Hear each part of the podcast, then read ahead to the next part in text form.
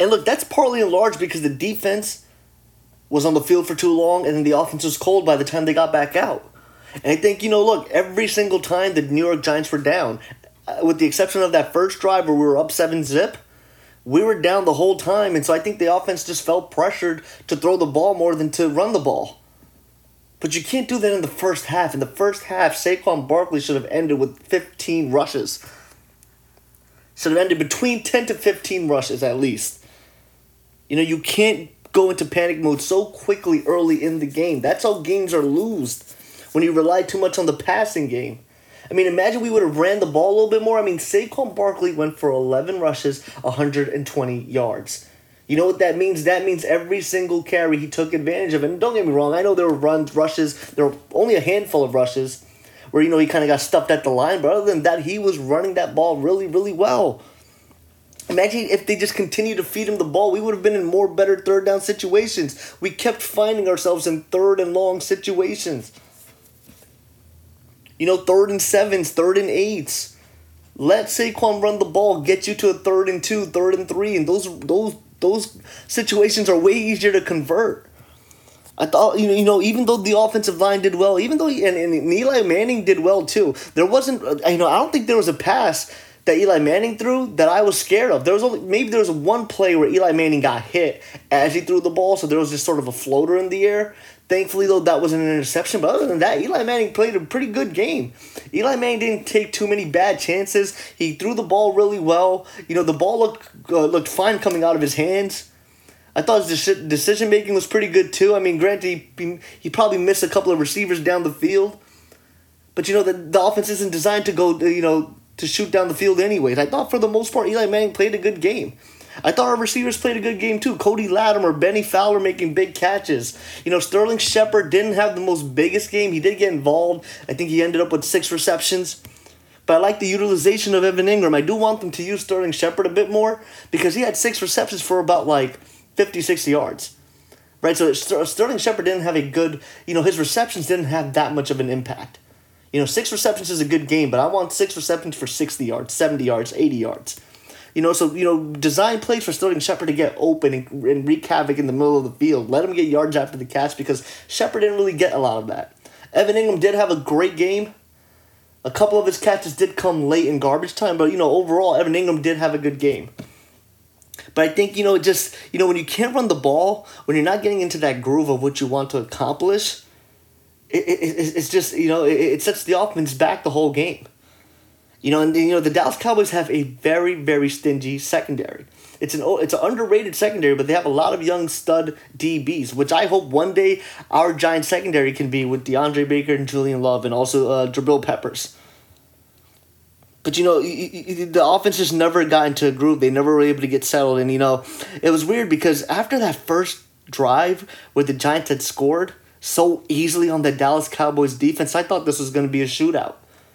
I was very, very sort of pleased with that drive because that's what I thought our offense was going to do. I thought we were going to be able to run up and down the field and at the same time equally be able to pass effectively and drive gradually down the field and score touchdowns because we didn't score. That touchdown was in a long touchdown. We were in the red zone and Evan Engram was found open into the end zone it was such a great methodical drive, and I thought that that's how every other possession was going to go. But because our offense never saw the field that frequently, they were never able to get into that groove. And I honestly think Pat Shurmur hit the panic mode, went into panic mode, and said, "Screw it, we're not going to run the ball that much anymore. We're going to try to pass to keep up with the Dallas Cowboys." That's something that you do maybe you know in the middle of the third quarter when you find yourself severely behind. You don't do that in the first half. Pat Shurmur failed the New York Giants in the playing call that uh, in today's game too.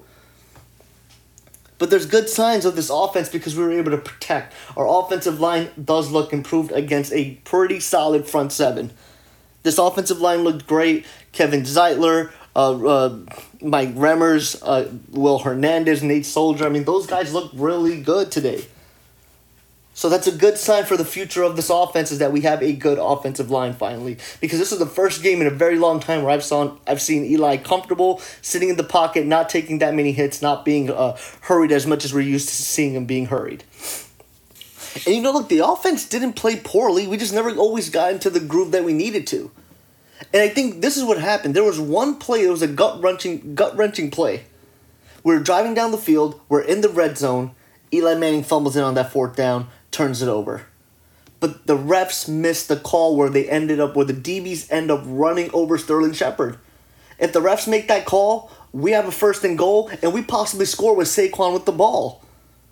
If you look at the stat line, Eli Manning threw for 300 yards.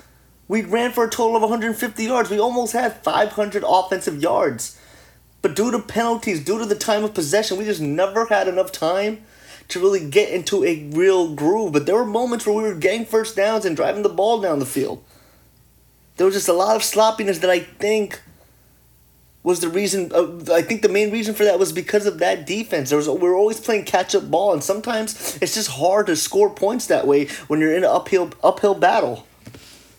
And so to close out this episode, I just want to talk about a couple of things that need to be fixed in our home opener next week against the Buffalo Bills because this Buffalo Bills defense is a really good defense. They have a great front seven, have ferocious linebackers and defensive linemen, and have a pretty deep secondary.